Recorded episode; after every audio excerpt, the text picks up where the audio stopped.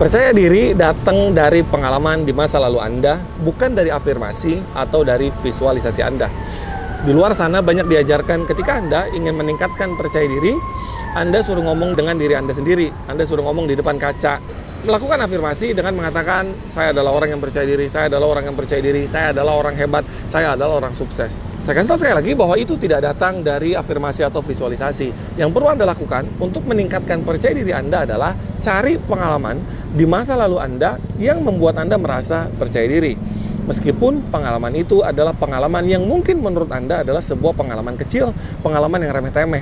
Seperti Anda menang lomba lari, Anda menang balap karung, Anda menang lomba makan kerupuk, atau Anda menang lomba nyanyi. Kumpulkan semua kemenangan Anda di masa lalu Anda, cari pengalamannya, cari rasanya, baru tingkatkan percaya diri Anda dari sana.